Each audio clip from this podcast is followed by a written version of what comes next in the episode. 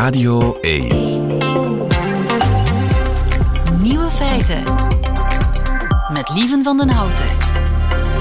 Dag en welkom bij de podcast van Nieuwe Feiten van vrijdag 17 november 2023. In het nieuws vandaag dat iedereen op televisie kan komen. Bleek eh, in de Nederlandse versie van First Dates. Daarin ontmoeten twee vrijgezellen, u kent dat programma ongetwijfeld, die elkaar niet kennen, voor een eerste date in een restaurant. En in de aflevering van vandaag was dat uh, normaal gezien het liefdespel tussen Justus en Jens. Twee Nederlandse studenten die aan elkaar gekoppeld werden en de vonken spatten er vanaf. Er werd geflirt dat het een aard had, zo zegt Jens over de ogen van Justus. Kijk naar zijn blauwe ogen, die fonkelen als een sterrennacht. En op het einde van iedere aflevering leer je ook wat er met ieder koppel gebeurd is. En zo uh, kon u lezen dat Jens en Justus intussen een relatie waren begonnen. De date zou vanavond worden uitgezonden, maar wie de aflevering bekijkt zal Justus en Jens niet tegenkomen. Hun date is geschrapt wegens doorgestoken kaart. Justus en Jens bleken geen onbekenden van elkaar, maar twee goede heteroseksuele vrienden die een weddenschap hadden afgesloten. Ze hadden met vrienden gewet dat ze op tv konden komen. En ja, First Dates bleek de ideale manier. Ze gaven bij de casting dezelfde interesses door, waardoor de makers de twee vrienden aan elkaar koppelden. Maar omdat hun valspel, omdat ze dat hebben toegegeven aan het AD, de Nederlandse krant, wordt hun date nu ja, uit de aflevering geknipt. Had toch gezwegen, jongens. De andere nieuwe feiten vandaag. Huisstof zit vol pesticiden. Nu ook een ziekenhuis op de westelijke Jordaanoever uitgekampt door het Israëlische leger. Annelies Bontjes, de Nederlandse journalist in Brussel, viert Koningsdag. En op vrijdag, dat weet u, spelen wij de Vrijdagquiz. De nieuwe feiten van Koen Lemmens, die hoort u in zijn middagjournaal. Veel plezier. Na het grootste ziekenhuis in Gaza is er nu ook een tweede ziekenhuis, niet in Gaza, maar op de westelijke Jordaanover, waarin het Israëlische leger een militaire operatie heeft uitgevoerd. Jens Fransen. Goedemiddag. Goedemiddag. Onze ja, militaire specialist. Een ziekenhuis in Jenin, of vlakbij Jenin op ja, de westelijke Jordaan. Westelijke Jordaan over Jenin moet je voorstellen. Dat is een heel ander gebied dan de Gazastrook. De Gazastrook ligt in het zuiden van Israël. Dan heb je die westelijke Jordaanover, wat vroeger Palestijns gebied was, maar nu heb je daar heel veel Israëlische nederzetting. En in het noorden daarvan heb je een klein stadje, Jenin, om en bij de 39.000 inwoners, een beetje de grootte van Edegem, Lokeren, dat soort dingen. Maar is eigenlijk al sinds 20 jaar ja, een broeinest van allerlei radicale extremistische groeperingen. Um, vroeger had je daar um, de islamitische jihad, de Jenin-brigade heb je gehad. En met de regelmaat van de klok heb je daar eigenlijk onlusten. Deze zomer ook nog onlusten, waarbij er heel wat doden zijn gevallen. En vandaag opnieuw alweer zeven doden in Jenin gevallen. Ja, want het is niet alleen het ziekenhuis, ook Jenin zelf. Daarin ja. zijn schoten gelost. Ja, en het heeft wellicht daarmee te maken met die onlusten in Jenin, die al een aantal dagen bezig zijn, een aantal weken moet ik, moet ik eigenlijk zeggen, sinds het begin van die oorlog daar in Gaza. En volgens het Israëlische leger zouden zich een aantal op uh, gewapende militanten zich hebben teruggetrokken in dat ziekenhuis, waarna dan het Israëlische leger en de veiligheidsdiensten dat uh, ziekenhuis omsingeld hebben. En op beelden gisterenavond die we dan zagen, zagen we dat een aantal van die ja, verplegers en dokters werkelijk naar buiten worden geleid, eh, bijna als in een stripverhaal, maar helaas is het de realiteit, met de handen omhoog, waarbij achter hen dan mensen van het Israëlische leger wel degelijk met een getrokken wapen iedereen naar buiten jagen om dan te Wat hebben die dokters misdaan? Wel, het ding is natuurlijk, het Israëlische leger zegt, kijk, wij weten dat een aantal van die mensen gewapenderhand naar binnen zijn gegaan. Misschien hebben die wel een ander pak aangetrokken, iedereen naar buiten en we gaan iedereen fouilleren en onderzoeken. Is dit een ziekenhuisoorlog aan het worden? Dit lijkt wel een beetje. Maar het, is cynisch, maar ja, wat moeten we daar nu van geloven? Want inderdaad, het is uh, uiteraard wel mogelijk. Het is de ideale vermomming. Hè? Doe een witte jas aan, ja. je bent een dokter.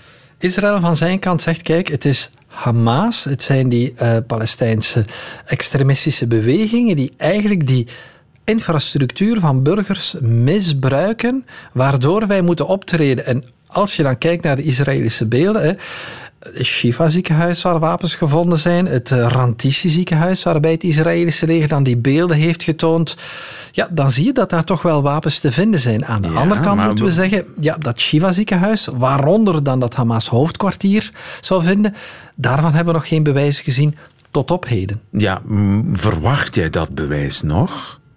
Wel, Israël zegt, en die begint nu een, beetje een tipje van de sluier te geven. Ze hebben bijvoorbeeld vanmorgen, een uurtje geleden, een klein stukje informatie vrijgegeven gegeven waarop hun ehm, assessment, waarop hun ehm, ehm, argumentatie gebaseerd is, waarom ze dat zijn binnengegeven. Je moet weten, de voorbije jaren heeft Israël natuurlijk heel wat Palestijnse militanten van Hamas ook gevangen genomen, veroordeeld. En het zou onder meer uit die verhoren zijn dat zou blijken dat dat eh, commandocentrum daar wel degelijk zit onder dat ziekenhuis. Palestijnen hebben onder druk, dat is dan een beetje de vraag, hebben die dat verklaard of bevestigd en herbevestigd dat dat wel degelijk onder dat ziekenhuis zou zitten? Ja, groot vraagteken toch, hè? Groot vraagteken, want wat we natuurlijk in het verleden hebben gezien, ehm, bijvoorbeeld in de Verenigde Staten, maar ook in Rusland, herinner je 2003, hè, Colin Powell voor de The Veiligheidsraad. weapons of mass destruction, de bewijzen waren er. Ja, maar aan de andere kant ook, die volledige Russische inlichtingen, eh, die hebben gezegd aan de, eh, aan, eh, aan de Russische president Poetin, als wij Oekraïne gaan binnenvallen, zullen wij onthaald worden als bevrijders. Ja. Je moet vaststellen dat veiligheidsdiensten soms ook wel fouten kunnen maken. Waarmee ik niet heb gezegd dat dit nu al fout is. Hè. Maar je merkt wel in het verleden dat als een regering, als een establishment, als een veiligheidsomgeving iets wil horen, en dat duurt lang genoeg, dat men op een bepaald moment alleen maar gaat luisteren naar de stemmen die men wil horen. Dus jij, jij zegt eigenlijk, dit hoeft niet eens gefabriceerd te zijn. Ze kunnen dat ook echt werkelijk geloven. Die kunnen dat werkelijk geloven. En je Ook kan al is het niet waar. Nee, maar op, op, Wat vooralsnog niet eh, bewezen is natuurlijk dat het niet waar is. Als je alleen maar gaat zoeken en alleen maar gaat kijken in een bepaalde richting, begin je alle sprokkels samen te leggen en krijg je een puzzel die misschien achteraf niet volledig lijkt te kloppen, omdat je echt aan het zoeken was naar dat ene waarvan het misschien achteraf er niet blijkt te zijn. Ja, de Maar politieke fallout daarvan, dat, dat zal gigantisch zijn. Hè? Je voelt nu dat, dat er zijn natuurlijk wel wapens gevonden in het Shifa ziekenhuis. Daar zijn granaten gevonden. Maar als je dan specifiek over die ene vraag gaat hebben van kijk, is dat, herinner je de beelden die het Israëlische leger heeft getoond met een hele commandostructuur onder dat ziekenhuis? Misschien komen die bewijzen er nog. Er zijn ook bewijzen dat er een tunnel is gevonden in het Shiva-complex. Maar of die, die hele commandostructuur daaronder zit, dat valt af te wachten. Ja. Nu, eh, westelijke Jordaanoever, ziekenhuis eh, omsingeld, eh, uitgekamd, in Jenin eh, schoten gelost. is, is dit nu een derde front na Gaza en na de grens met Libanon? Gaat, is dit nu aan het uitbreiden? Nee, daarvoor denk ik niet. Jenin is gekend als een hotbed voor eh, extremisme. Eh, daar, zijn ook al, ehm, daar zijn al clashes geweest, hè, twee weken geleden. Als je zou willen gaan spreken over een nieuwe intifada, dan moet je echt een structurele opflakkering van het geweld hebben. En helaas natuurlijk zeven doden vandaag. Maar in Israël is men wel wat gewoon. Ja. We gaan elkaar nog meer zien de komende dagen, weken. Dankjewel, Jens Fransen. Goedemiddag. Nieuwe feiten. De ontdekking van België. Wie we daar hebben? Ja, Annelies Daar is Bontjes, goedemiddag. Daar is ze weer, de Nederlandse journaliste in Brussel... die ons land met stijgende verbazing ontdekt. Ook deze week weer. zo is het. ja. Annelies, wat heb je ontdekt deze week? Wat Nou, e- eerst even iets heel leuks wat ik nog even wilde benadrukken. Oei, dat, dat, dat, dat klinkt heel gevaarlijk. nee, heel leuk, maar. heel leuk. Eh, heb jij gehoord over het, het nieuws over Tom Waas? Eh, jazeker. Eh, Tom Waas zal eh, figureren in door zowel Nederlandse als Vlaamse omroepen gefinancierde projecten. Zo is het. Hij gaat programma's maken in Nederland. Ik heb het natuurlijk al voorspeld, weken geleden, maanden geleden, de Tom Waas hype in Nederland. En toen zag ik dit deze week, toen dacht ik, ja, dat... eh, Tom Waas is een hype. Jouw familie is helemaal... Nou, mijn oma is het- natuurlijk lyrisch nu. eh. Oma is lyrisch over Tom Waas. Ja, Tom Waas die komt weer op televisie, dus dat, eh, dat vindt ze heel leuk. Ze wordt trouwens eh, volgende maand 91 jaar. Oké, gefeliciteerd. Ja, dus misschien voor de verjaardag als Tom Waas nog luistert. Maar. Ja. Goed, eh, maar nee, ik heb iets heel anders ontdekt deze week. Ja, ook weer iets heel geks. Ehm, jullie vieren Koningsdag zonder de koning, heb ik deze week geleerd. Hebben wij deze week de koning gevierd? Ja, nou, dat is het tweede. Het was deze week 15 november, eh, woensdag, was het Koningsdag. Eergisteren was het Koningsdag. Ja, en jij wist dat niet. Nee, Nee, ik denk niet dat je de enige bent. ik kijk hier even rond in de studio. Nee, n- niemand. Redactie, hallo redactie? Nee, niemand. Nee, nou ja, dat is toch wel eh, een groot verschil met hoe wij in Nederland Koningsdag vieren. Ik Juist. denk eh, dat je dat wel Daar weet. wordt ja. ge- gekoekhapt. Daar wordt gekoekhapt, daar worden is. tompoesen, krompoesen, weet ik het wat gegeten. Er is een vrijmarkt, iedereen is dronken op straat en feestjes. En Nederland kleurt oranje. het stralende middelpunt van die dag is natuurlijk de koning. En die gaat dan samen met de koningin altijd naar een stad om verschillende activiteiten te doen, spelletjes te doen. Die schudt handjes, die zwaait. En En jij had zoiets verwacht natuurlijk als wij Koningsdag vieren. nou, ik dacht, nou ja, op zijn minst iets wat er in de buurt komt. Maar goed, ten eerste wist hier niemand dat het Nee, Koningsdag was. Echt niet. En ten tweede, de enige grote afwezige op Koningsdag is de koning. Want die krijgt dan blijkbaar een dag vrij, omdat hij niet zijn eigen verjaardag, nee, zijn eigen feest mag vieren. Ja, zeg niet aan Willem-Alexander of die wil dat ook. Nee.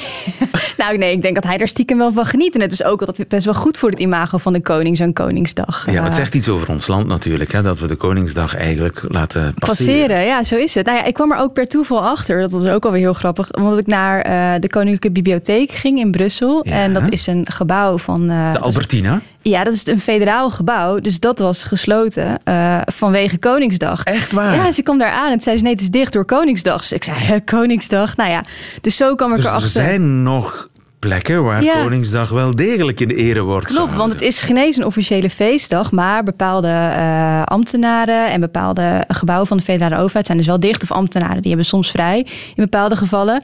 Maar eh, dus toen dacht ik, ja, nou ja, ik wilde graag eh, even rustig werken in de Biep. Wat ga ik dan doen? Dus toen ben ik even doorgelopen naar Muntpunt. Dat zit in het centrum van Brussel. En dat was wel open, want zij krijgen weer steun van de Vlaamse overheid. Dus dat is hier niet federaal. Ja, vond ik ook Overigens, volgens mij, ik meen mij te herinneren als kind dat het wel een feestdag was. Ah, ja. 15 november. Oké, ja, vroeger ik, ja, waren scholieren misschien wel vrij, maar is dat dan later veranderd? Ja, ik denk dat dat met de komst van de herfstvakantie, of de krokusvakantie. Dus er zijn bepaalde vakanties uitgebreid. Ja, En dan hebben we daar dan die Koningsdag voor opgeofferd. Ja, maar het is dus op 15 november omdat het de naamdag is van koning Leopold II. Dus het is echt al, gaat al heel ver terug. Maar jullie hebben natuurlijk wel een soort andere Koningsdag, nou, Nationale Feestdag op, op 21 juli. Ja, juist. Ja, maar, Maar dat is buiten, niet Brussel, vergelijkbaar. buiten Brussel wordt daar niet veel aan gedaan. Dat is een militaire parade in Brussel. ja, ja. En, en een of ander ja, tedeum. Het is niet feest in het hele land zoals wij dat doen. eh. Nee. Nee. Nee. Nou ja, ik, eh, ik zat nu eventjes naar... Er was wel een klein verslagje bij de VRT van de afgelopen Koningsdag woensdag. En ik was er even naar aan het kijken. Maar ik denk dat, dat jij en de rest van de redactie niet de enige zijn die dat niet wisten. Want er waren zo ongeveer 60 mensen aanwezig om eh, met de vlag van België te zwaaien en de, laatste- koning te groeten. De laatste 60. Ja.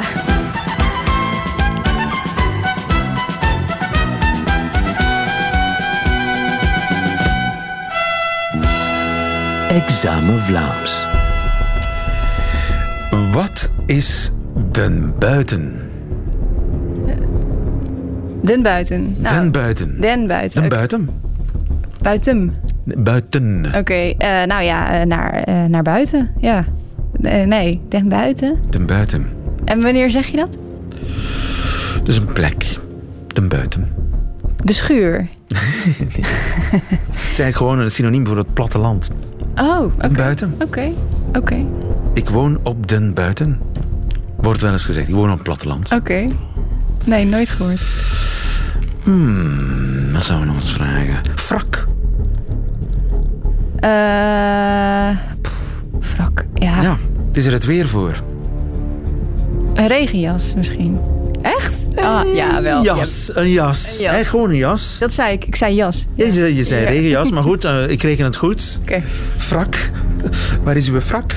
Ja, nou, het was vanochtend droog, dus ik Oké. Eh, had wel mijn caoutchoucbotten aan kunnen doen. eh, lijkt er een beetje op een farde.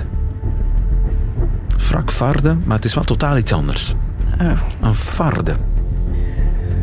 Eh, en, nou ja, dat is een heel gek woord. Ehm, nou, is dat dan een muts of zo? Dit is geen muts. Farde is gewoon een map. Een map. Een map. Oh, alleen het woord leek op Een naar varde. betekenis. Oké, ja. Het is een map. Oké, oké. Nee, echt nog van eentje. Oké. Een, ehm, Wat is een bedorven kind? Ehm, Een bedorven kind. Bedorven. in welk, wil je een zinnetje? Ja, ja, het is een bedorven kind. Oh ja, ehm, ziek of zo? Een kind dat ziek is? Dat is wel een hele onaardige manier om dan daar iets over te zeggen. Nee, joh. Bedorven, bedorven, bederven is eh, in... in eh, als iets ons- niet goed is. Ja, ja, dat is het rot, hè. Dat is Ja. bedorven. Ja, Maar eh, wij... een stout kind. Nee, het is gewoon rot verwend. Een verwend kind. Ah, Verwend. Een bedorven kind. Ja, je gaat hem bederven. Als je, als je een kind weer speelgoed geeft, je gaat hem bederven. Ik- dan, dan krijg je een bedorven kind. Wauw, oké. Ja, de ontdekking van Nee, België. Het is iets heel vrolijks. Dankjewel. Dankjewel. En tot volgende week.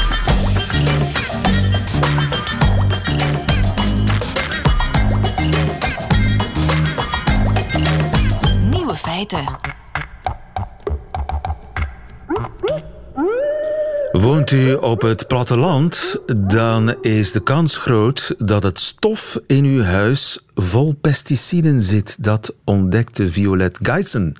Goedemiddag, mevrouw Guyson. Ja, goedemiddag. U bent hoogleraar bodemkunde in eh, Wageningen, oorspronkelijk Duits, maar uw Nederlands is voortreffelijk. En u heeft meegewerkt aan het onderzoek in eh, tien landen in Europa, een onderzoek naar pesticiden in huis. Ja, unter anderem, dit eh, is een groot Europäische project, financiert van de Europese eh, Commissie. En dat heet Sprint. En we hebben onder anderem pesticiden analyseerd in huisstof, maar ook in menselijke ontlasting, in urine, in het ecosysteem, in de bodem, in water. Dat heet, we hebben overal in, Euro- in tien landen van Europa en ook in Argentina gekeken. Waar vinden we eigenlijk residuen van bestrijdingsmiddelen terug? En? En eh, hoe zit het dan eigenlijk daarmee? Zijn die gewoon toxisch? Of zijn die niet toxisch? Hoe zit het daarmee? En wat, u bent dus overal gaan afstoffen eigenlijk. we zijn niet gaan afstoffen. We hebben gewoon in die huizen, we hebben gewoon bemonsterd in, in, in, de, in de bodem, in het water en zo verder. Maar in de huizen hebben we gewoon die ehm vacuumcleaner, die eh, stofzuiger, Ja.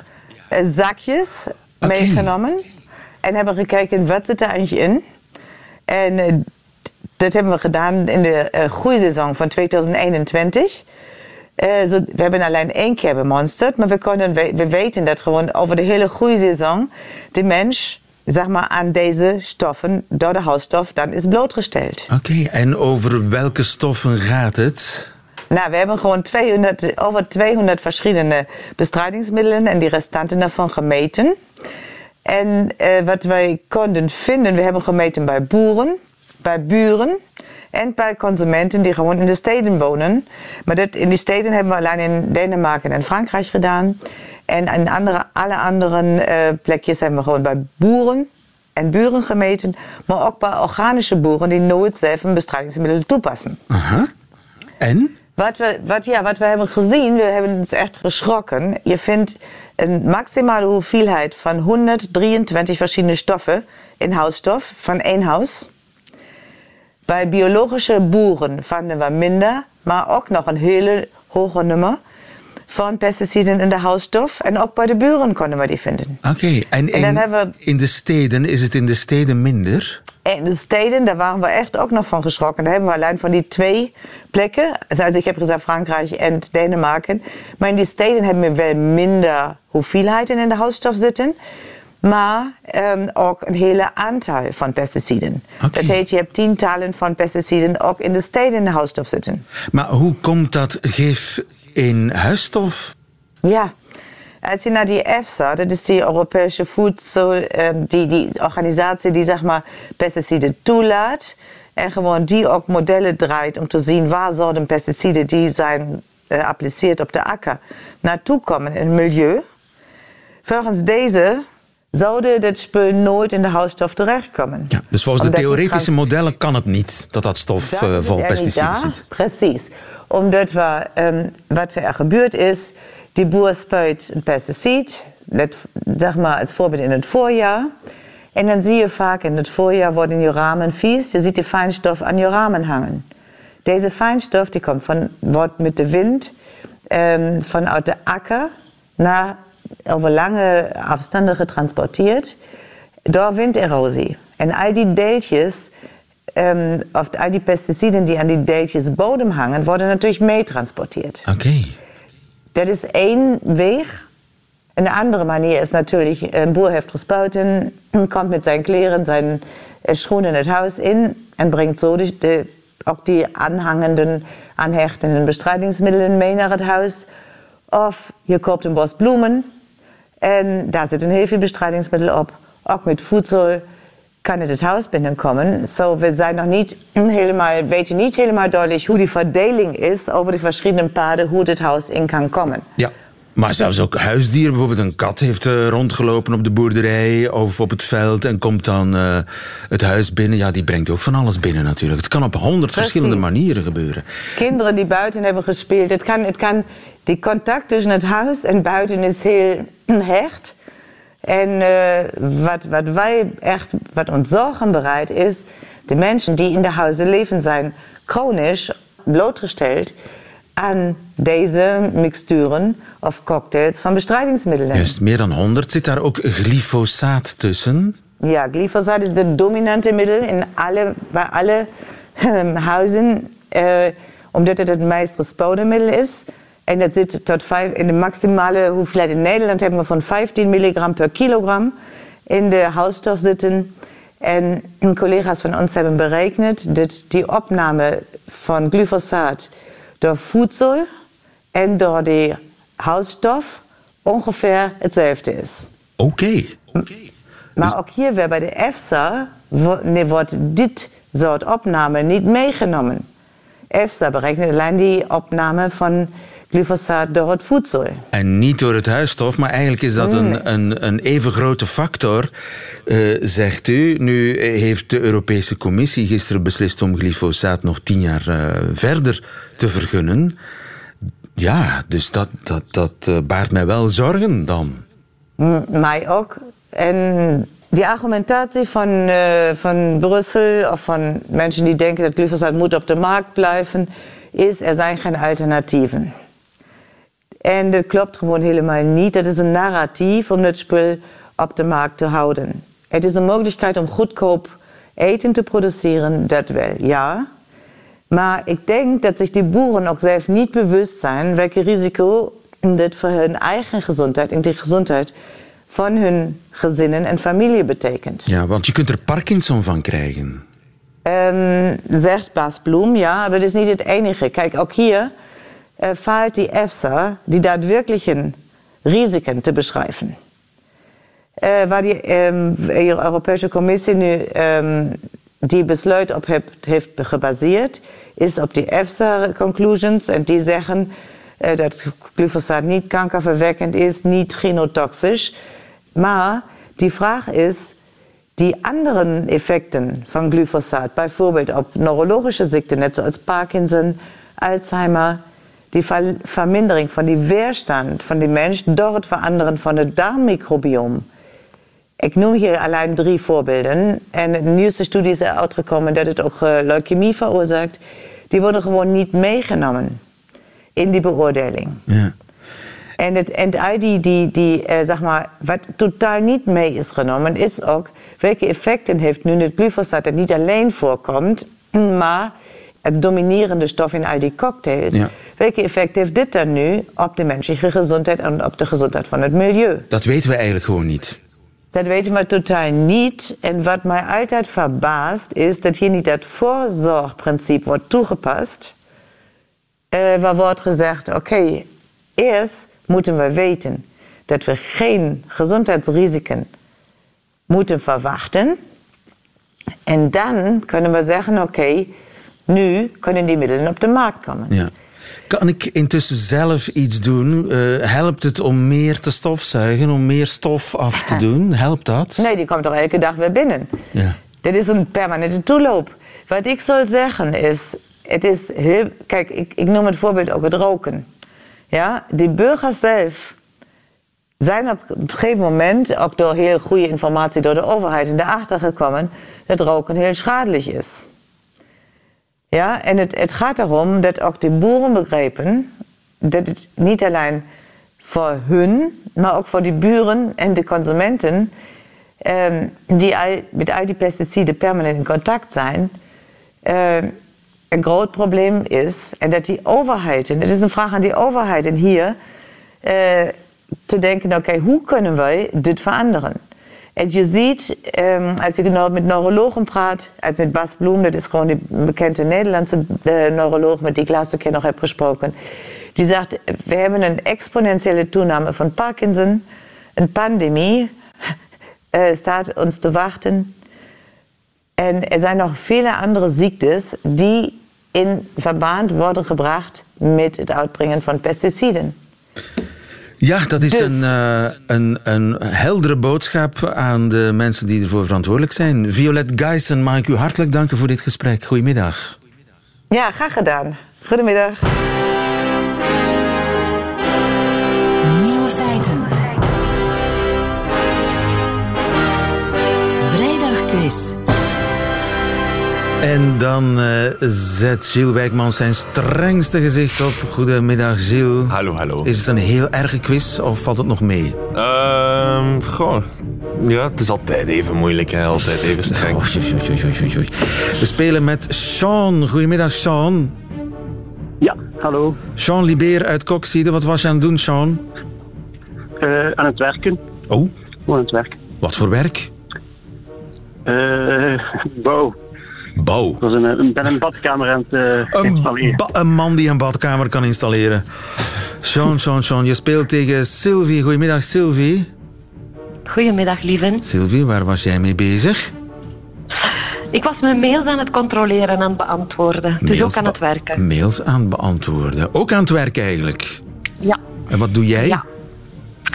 Ik ben leraar en opleider in Brussel. De belangrijkste job ter wereld, hè, Sylvie? Zeggen ze toch, ja? Ja, zo zit dat. Goed, ik ga Ja. jullie kennis testen van vier nieuwe feiten. Ik begin bij Sean, die zich het eerste heeft gemeld. En zolang hij eh, goed antwoordt, blijft hij aan de beurt. Bij een fout antwoord gaat de beurt naar Sylvie. En wie het laatste nieuwe feit goed kent, die wint deze quiz. Sean, een net ontdekte keversoort in Zuid-Amerika werd vernoemd naar biermerk Carlsberg. Waarom? De Carlsbergkever. A. De mannetjes versieren vrouwtjes door hen alcohol te geven. B. De mannetjes hebben een opvallend bierbuikje. C. Mannetjes hebben een penis in de vorm van een flessenopener. Sean, Eh, let op wat je zegt, hè. Het kan Ja, veel ja. zeggen over jou. Eh, oh, eh, alcohol dan. Ik ga voor de alcohol. Sylvie, het is niet dat die mannetjes kevers alcohol aan de vrouwtjes geven, maar waarom heten zij Kalsberg, die kevers? Ik ga voor C. Je gaat voor C. Dat is helemaal goed. Recht op de piemel af, Sylvie. Het blijft een nieuwe feitenquiz. hè. Eh, ja, de Loncovilius carlsbergi heet die kever. En die heet dus zo omdat zijn geslachtsorgaan zeer nadrukkelijk, volgens de Deense onderzoekers, op een flessenopener lijkt. En waarom kijken mensen zo snel naar de eh, geslachtsdelen van een kever, zie ik je denken? Dat komt omdat insecten soms heel hard op elkaar kunnen lijken. Alleen zijn hun geslachtsorganen altijd zeer anders, zodat je niet eh, iemand van een andere soort bevrucht. En dus zijn geslachtsorganen een zeer goede manier om nieuwe insectensoorten te herkennen. Dus het heeft niks met een of andere rare obsessie van die Deen te maken. Het is wel degelijk iets rationeels. Het is heel praktisch. Ja, Goed, Sylvie, vraag 2 is voor jou. Wie pleegde de grootste autodiefstal ooit? Was dat Barack Obama, Noord-Korea of Leopold II? Ja, Sylvie. een van die drie. Ja. Eh, B. Noord-Korea. B. Dat is helemaal goed. Goed geraden, wist je het? Nee, nee. Maar het klopt wel. Ja, in de jaren 70. Uh, Noord-Korea wilde graag uh, buitenlandse investeerders aantrekken. En in het kader daarvan stuurde Zweden duizend Volvo's op. Alleen heeft Noord-Korea die wel uh, ontvangen, maar nooit betaald. Duizend Volvo's? Duizend Volvo's, die rijden daar nu nog altijd rond. En uit de jaren 70? Uit de jaren 70. En blijkbaar stuurt Zweden ook nog twee keer per jaar een factuur naar Noord-Korea, die ze nog altijd natuurlijk weigeren te betalen. Duizend Volvo's? Ja. ja. En hoeveel zijn die intussen waard? Dat moet gigantisch zijn. Ja, inderdaad. Misschien als ze ooit zo'n classic car sale doen in Noord-Korea. Maar ze rijden nog. Ja, voilà. Dat pleit hè, voor uh, het uh, automerk. Sylvie had het goed en daarom blijf ik bij haar met vraag 3. Belgische onderzoekers hebben een nieuwe planeet ontdekt. Wat is er bijzonder aan de neerslag op die planeet? Het regent er zand? Het regent er diamanten? Het sneeuwt er zelfs bij temperaturen van 50 graden. Sylvie. Voor A, zand. Dat is helemaal goed. Nou, Sylvie. Zeer zeker zijn ze dat. Wauw. Ja, kijk, dat is natuurlijk iemand die leraren opleidt. Die moet wel ja, iets weten. Dat is waar, dat is waar. Dat is waar. Absoluut. Het regent er nee, ik had het gehoord, denk ik. Aha. Ja. Dat Ja. kan goed zijn, inderdaad. Uh, het gaat om de planeet WASP 107b, op 200 lichtjaar van ons verwijderd. En Leuvense onderzoekers die hebben ontdekt dat die wolken op die planeet zich weliswaar als wolken op onze planeet gedragen, behalve dan het cruciale detail dat die gemaakt zijn van zand. Meer specifiek silicium, wat het uh, meest voorkomende element is. Maar een wolk in is damp, hè, toch? Ja, dus op die planeet uh, is het 1000 graden, of kan het 1000 graden zijn. Dus dat is zanddamp. Waardoor dat silicium inderdaad begint te verdampen en naar de atmosfeer stijgt en daar dan afkoelt, gelijk bij ons ook met waterdamp gebeurt, en dan als zandregen naar beneden valt. Wauw. Ja. Dat is iets voor in een science fiction film. Ja. Vraag 4. Sylvie, erop of eronder nu? Wat is het voordeel van goochelaar zijn? Is dat sneller potentiële partners kunnen versieren? Is dat minder mentale problemen hebben? Of is dat minder snel slachtoffer zijn van phishing? A, B of C? B. Je denkt B. Dat is helemaal goed. Dorin gebeurd.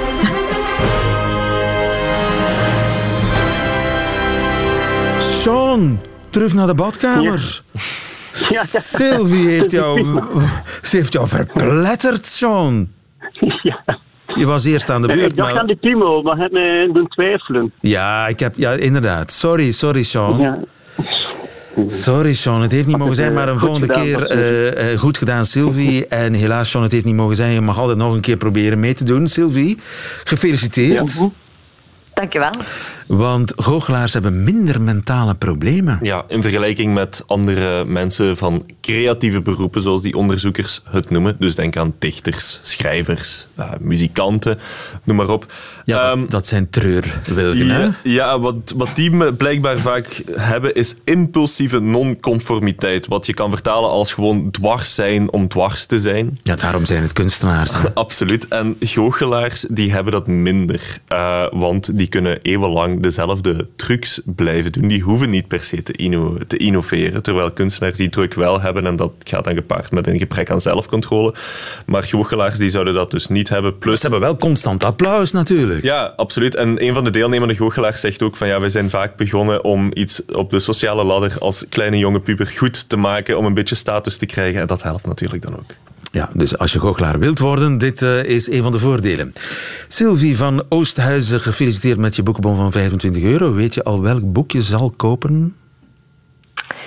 Ehm, de nieuwe van Wieringa of Ah. van eh Murakami. Ik ben, ik ben ja. eraan begonnen, aan de nieuwe van Wieringa. Ah, voilà. Ja, altijd een En, feest, en hè? moet ik hem kopen? Ja, ah, goed. Sylvie van Oosthuizen, dankjewel, goede keuze. En volgende week is er weer een vrijdagquiz. Nieuwe feiten. Radio 1. En dat waren ze, de nieuwe feiten van vandaag, 17 november 2023.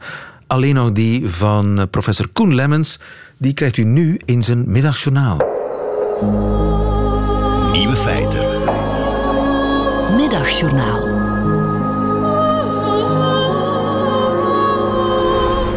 Beste luisteraar, het is 2023 en de Ristorno-zegeltjes van Weleer zijn al een tijdje uit de commerce verdwenen. Valois, Ford en Seca zijn merken die ons in het beste geval toeschreven van op een mooi geëmailleerd reclamebord in het lokale rommelhoek, dat hipsters wel eens een vintage shop noemen. Want in het Engels is oude brol meer waard, dat weten we intussen wel. De fideliseringspraktijk, die helaas nog niet tot het verleden behoort, is de klantenkaart. De vraag: heeft u een klantenkaart? is wellicht de toverformule waarmee elke lokale neringdonder geslaagd is in het examen winkelhouderij. Wat hem een certificaat van het NCNV opleverde, een felicitatietelegram van Petrus Thijs en dus ook een flinke schare trouwe klanten. Maar eigenlijk zijn klantenkaarten voor de deftige burger wat condooms zijn voor hitsige jongeren. Je hebt ze wel in huis, maar nooit bij je wanneer je ze echt nodig hebt. Heeft u een klantenkaart? Jawel, mevrouw, maar ik ben ze vergeten.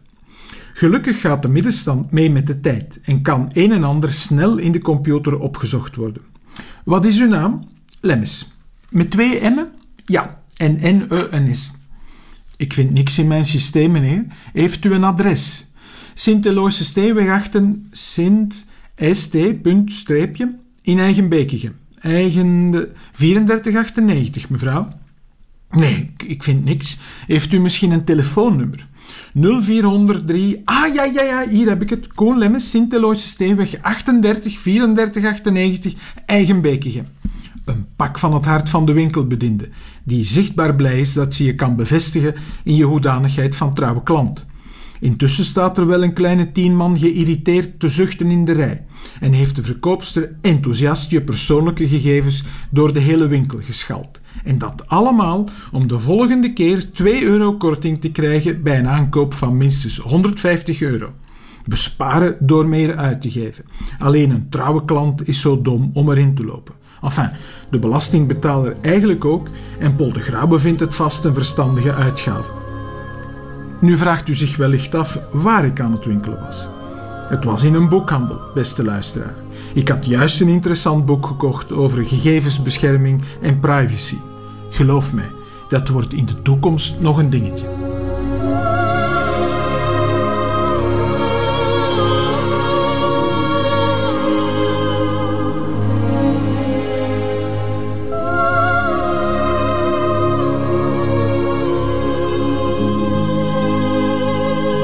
Het middagjournaal met professor publiekrecht Koen Lemmens. Einde van deze podcast. Hoort u liever de volledige nieuwe feiten met de muziek erbij? Dat kan natuurlijk live elke werkdag tussen 12 en 1 op Radio 1 of uitgesteld via VRT Max. Tot een volgende keer.